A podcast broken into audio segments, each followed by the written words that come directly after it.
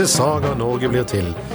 Nok et kapittel i historien om hvordan landet vårt vokste frem av kaoset. Mitt navn er Tom Christer Nilsen, og bak spakene sitter, som så ofte før, Kim Andreassen.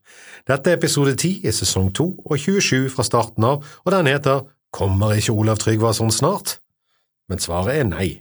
Men nå starter sagaen Olav Tryggvasons saga, selv om Harald Gråfell fortsatt er konge sagaskriverne likte han virkelig ikke, og har startet både én og to sagaer før han egentlig er død.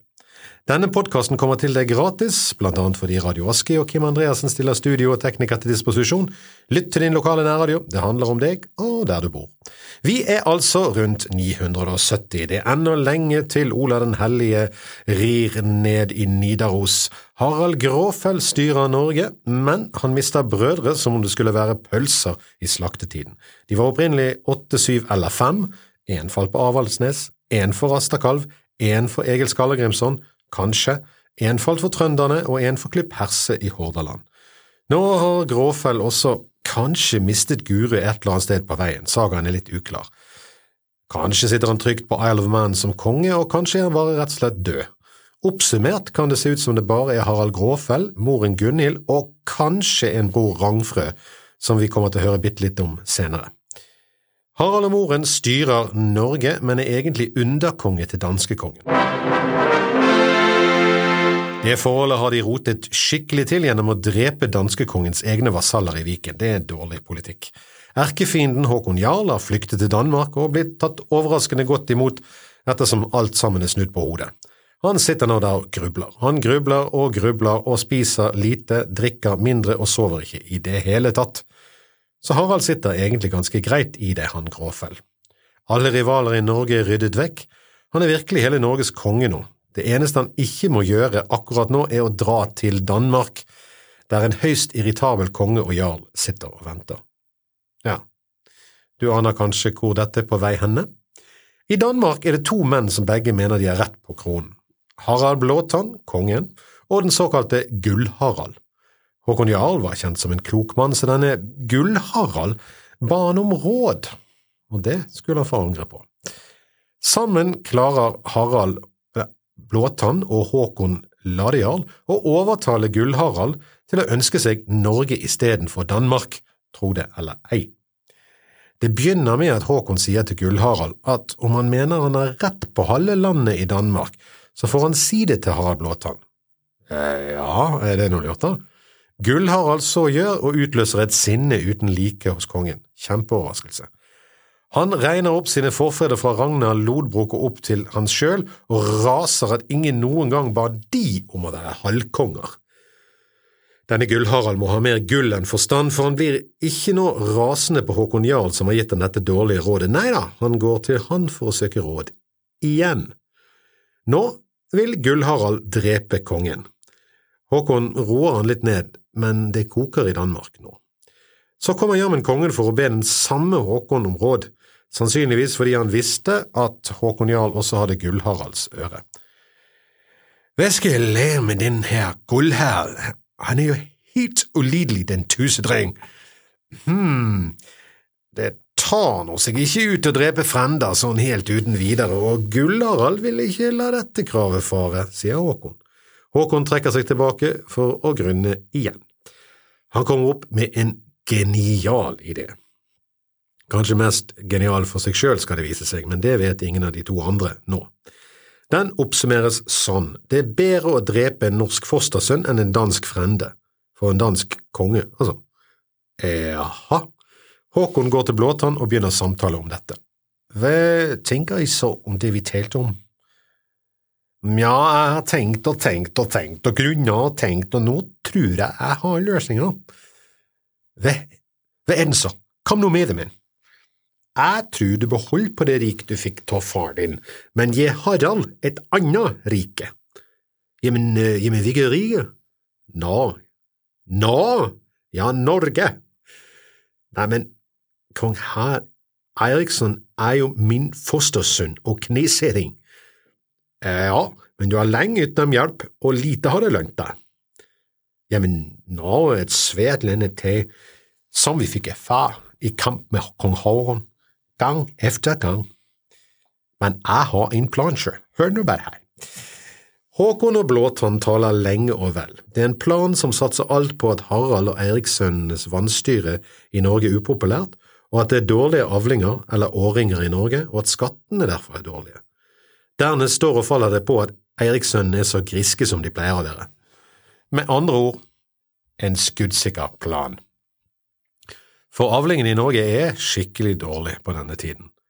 Så når beskjeden kommer fra Danmark at Eirikssønnene kan få len i Danmark, da er det ikke vanskelig å be. Sørover farer de straks uten mistanke til at her kan det være fare for affære. Hvordan det har seg at de ikke mistenker Håkon Jarl at han kanskje kunne vært innblandet i noe siden han har holdt seg nær kongen av Danmark så lenge, det kan vi jo lure på, men det kan hende de ikke visste om det, og Harald Blåtann hadde jo vært behjelpelig for de tidligere. Men at de ikke skjønner lunta med tanke på hva de sjøl har foretatt seg, og hvor dårlig de sjøl har betalt sin gjeld til danskekongen, det er et mysterium. Håkon Jarl og Harald Blåtann har solgt opplegget til Gull-Harald. Så da Harald Gråfell kommer til Limfjorden og gleder seg til å få et nytt, fett len i Danmark, da blir han møtt av Gull-Harald og sverdene hans. Ved Limfjorden kjemper Harald mot Harald, som Håkon gjorde i sin tid, men det kommer ikke som overraskelse. Der Håkon vant, taper Harald Gråfell. Så da er saken klar. Gull-Harald blir ny konge over Norge. Eh, nei. Sa noen Game of Thrones? Gull-Harald er ikke mer enn ute av syne fra Harald Blåtanns hoff etter seieren, da Håkon Jarl går til kong Blåtann og gjør ham usikker. Tror du at Gull-Harald vil nøye seg med Norge da? Han eh, sa til meg i vinters at han vil drepe deg om han fikk sjansen. Det hadde riktignok Gull-Harald antydet, men Håkon hadde snakket han fra det, så dette var bare nesten sant. Nå kommer Håkon med et nytt og bedre forslag til plan. Han er som Egon Olsen et oppkommer av helmakseplaner. Den nye planen er at Håkon Jarl skal dra etter Gull-Harald og drepe ham, ganske greit, så gjøre forlik med kongen om drapet på hans frende, altså Gull-Harald. Dermed er kongens hender rene. Den neste rosinen i pølsen er at som betaling for den udåden skal Håkon få styre Norge på vegne av Harald Blåtann? Eller som Harald Blåtann sa det, joho, jeg får tilbake Norge og kvitt konkurrenten, hurra, vinn-vinn. At ikke Harald Blåtann skjønte at en som er så full av intriger og onde planer må bety trøbbel til slutt, vel, se, det sier vel noe om denne kongen som mennesket kjenner. De blir utrolig nok enige om dette, og Håkon setter etter Gull-Harald. Gull-Harald og hans menn har nettopp kjempet et hardt slag mot Harald Gråfell, er ikke forberedt på å bli angrepet av trøndere i Limfjorden. Hvem er vel det? Håkon får en lett match, og Gull-Harald blir hengt fra galgen. Håkon han drar tilbake til Blåtann og erkjenner sin brødre og… unnskyld, brøde, ikke brødre, og de gjør forlik. Så rart. Og så planlegges invasjonen av Norge. Det sies at det er 600 skip som den sommeren stevner inn Fålen eller dagens Oslofjord. Men Blåtann er ikke helt naiv. Han tar ikke uten videre alt Håkon Jarl foreslår for god fisk. Dermed følger en annen med kongeambisjoner med på lasset, kong Harald Grenske, som var sønn av den Gurød som hadde hersket over Vestfold, og som Eirikssønnene hadde drept. Ja ja, jeg vet det. Det er like uoversiktlig som en sesong av Game of Thrones, men for å forenkle det. På den ene siden Harald Blåtann, Håkon Jarl i comeback for annen gang, og Harald Grenske for å hevne sin far. På den andre siden Gunhild kongemor og hennes gjenværende sønn eller sønner, litt usikkert det der. Sagaen sier at det er to igjen, Gurø og Rangfrø. Sjekker at andre kilder er Gurø allerede død. Atter andre kilder peker på Gurø som sagt som konge på Man. Åkke som historien gjentar seg. Viken setter seg ikke nevneverdig til motverge mot Blåtanns 600 skip, merkelig nok. Harald Grenske blir satt til underkonge Viken, ja, Vingulmark, Vestfold og Agder til Lindesnes. Håkon Jarl får resten. Men resten er jo ikke tatt ennå. I Viken, spesielt i Vestfold, flokkene av folk til Håkon og Harald Svane. De var møkk lei disse Erikssønnene, og ikke så rent opptatt av å være på den vinnende siden. Etter å ha gitt Håkon kommando over de som sluttet seg til, og fordelt landet mellom hard Grenske og potensielt fordelt Vestland og Trøndelag til Håkon, samler Harald Blåtann sine 600 skip og drar hjem, uten å ha måttet skyte en pil eller løfte et sverd. So long and thanks for all the fish. Nå blir det Håkon Jarls oppgave å ta resten av landet med de folkene han har. Det kan holde hardt. Men når Gunhild og sønn eller sønner, familieforetaket Blodøks, Forsøker å reise inn her, går det dårlig igjen. Dermed gjør de som far sin og stikker til Orkenøyene. Her er det forvirringen oppstår. Var Guru der også, eller var han død? Ifølge sagaen var han med. Ifølge nåtidens aksepterte historie er han allerede død. Men dersom han er død, kan han da komme tilbake i 999 og angripe det som da er Olav Tryggvasons rike? Og hvordan kan det ha seg at han angriper Norge i 999 på et tidspunkt da han er 69 eller 75 år gammel, og om han døde i 966, hvorfor nevnes det ikke? Men uansett, mest sannsynlig er han død. Hvem det er som gjør vikingreid mot Norge noen år senere i 999 er ikke godt å vite, men en 70 år gammel Eirikssønn er det mest sannsynlig ikke, selv om Snorre vil ha oss til å tro det. Hvorfor vil han det? Vel, her kommer faktisk Olav Tryggvason inn. Denne norske kongen er kanskje den en av få vi faktisk husker, men han er bare konge i fem år. Likevel brukes over 100 kapitler i sagaen på han, altså 20 kapitler per kongeår, mens det for Håkon den godes nær 30 år er om lag ett kapittel per år. Det ser ut til å ha vært et ekstremt behov for å skrive inn historier knyttet til nettopp Olav Tryggvason. Dermed får også en av Eirikssønnene liv etter døden, men nok om det, det er fremtid. Nå ligger landet åpent for Håkon Jarl, han er underkonge for Harald Blåtann og skal aldri utfordre det ved å kalle seg konge, men det er konge han egentlig er. Det går lett nå når Gunhild og co. har flyktet. Som ved et under blir det nå gode avlinger og godt fiske i landet. Hva er dette for noe? Er det bare sagaskrivernes litterære trekk for å vise hvor fælt styret til Eirikssønnene var, eller ble det faktisk bedre avlinger da de forsvant? Tja, det er faktisk ting som tyder på at temperaturen steg kraftig om lag da Håkon Jarl tok over Norge. Så det kan faktisk ha noe for seg, det er en kjerne av sannhet, spesielt vil det være tilfellet der sagaskriverne kommer fra, på Island. Den siste slagkraftige Eriksson Rangfrø gjør det faren aldri gjorde, han kommer tilbake sommeren etter for å forsøke å ta tilbake landet. En kan jo lure på hva som foregår i hodet på han og moren, er det ikke nå på tide å roe seg ned og ta vare på blodøksslektens eneste gjenværende DNA?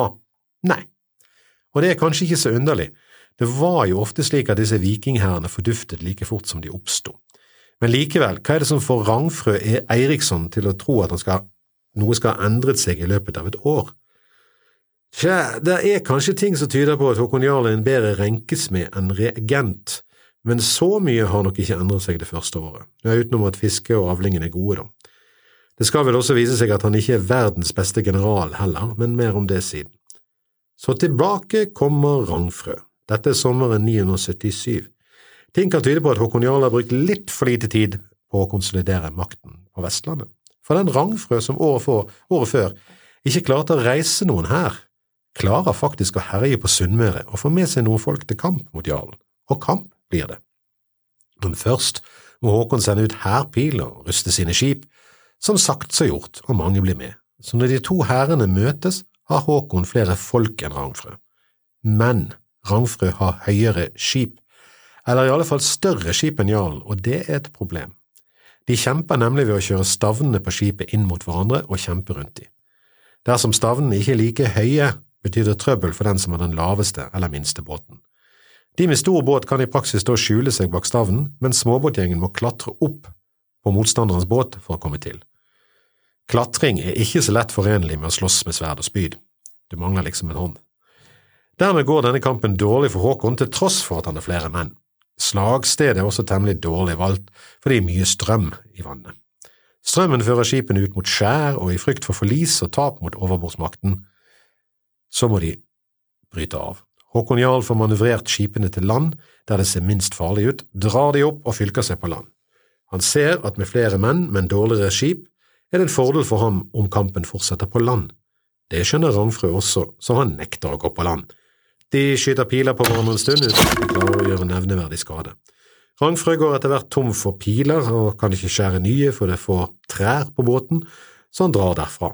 Han vender sydøst fordi han frykter at Håkon skal klare å reise en enda større hær av Leidang mot ham.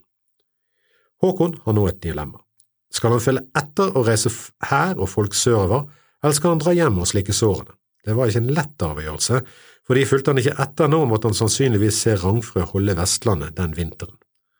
Der kunne han sette seg fast og øke styrken sin. Samtidig visste han at hans egen styrke potensielt større, Trøndelag var egentlig sentrum i landet på denne tiden med mest folk. Og så var det disse skipene, da. En kamp med de skipene han nå har mot de skipene Rangfrø har, vil koste dyrt. Rangfrøs skip er rett og slett for høye. Dette er et frempek mot hva som skal ende vikingtiden, de høye hanseatiske kongene. Håkon bestemmer seg for å ikke følge etter. Nå trekker Rangfrø seg tilbake sør for Stad, og Håkon legger seg inn i Trondheimsfjorden igjen. Begge bruker vinteren godt. Rangfrø holder Vestlandet, og om våren byr han ut Leiang. Merkelig nok lykkes han bedre denne våren enn året før. Det kan skyldes at det denne gangen er kamp mot trønderne, ikke mot trønderne, vikværingene og danene samtidig.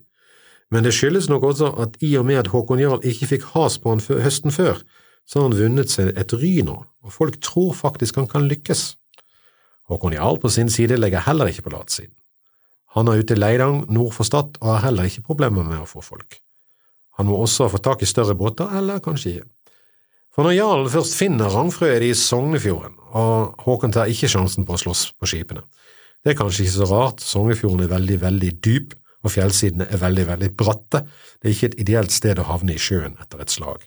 Så Håkon drar med seg hæren inn på land og setter opp hasselstenger for å markere valplassen eller slagplassen. Hva skal Rangfrø gjøre nå? Ja, all logikk sier egentlig at han bare burde ha trukket på skuldrene og ventet, skutt piler på de som sto der, og ventet til de ble lei av det. Men nei, det som trolig er Eirik Blodøks siste gjenlevende sønn, vil nå ha slutt på dette, og han vil ha slutt på morens egging og negging og klaging som ringer i ørene, og han vil ha slutt på det og alt annet, så nå går han i land og kjemper mot Håkons menn. Det går dårlig. 300 mann faller, og Rangfrø flykter vestover igjen. Ferdig med den. Nå tar familien Blodøks til vettet, kan det se ut til. Eller den siste delen av renkespillet er ikke over. Danskekongen og Håkon konspirerer igjen, og Håkon får danskekongen til å sende et brev til Gunhild kongemor, den drivende kraften i Eirikssønnenes mange viderverdigheter. Denne historien er nesten for god til å være sann, den er helt sikkert for god til å være sann, men Håkon får altså danskekongen til å sende brev til Gunhild og tilby henne ekteskap med han, altså med Harald Blåtann. Danmark ville bli lykkelig om det kunne få en dronning så klo og skigget som henne, skriver han og kaller henne til seg.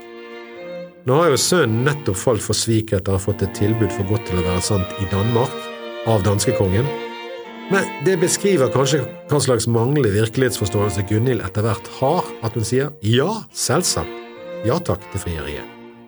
Hun farer av gårde til Danmark og forventer å bli tatt imot med den ære som sømmer seg en kommende og forhåndværende dronning.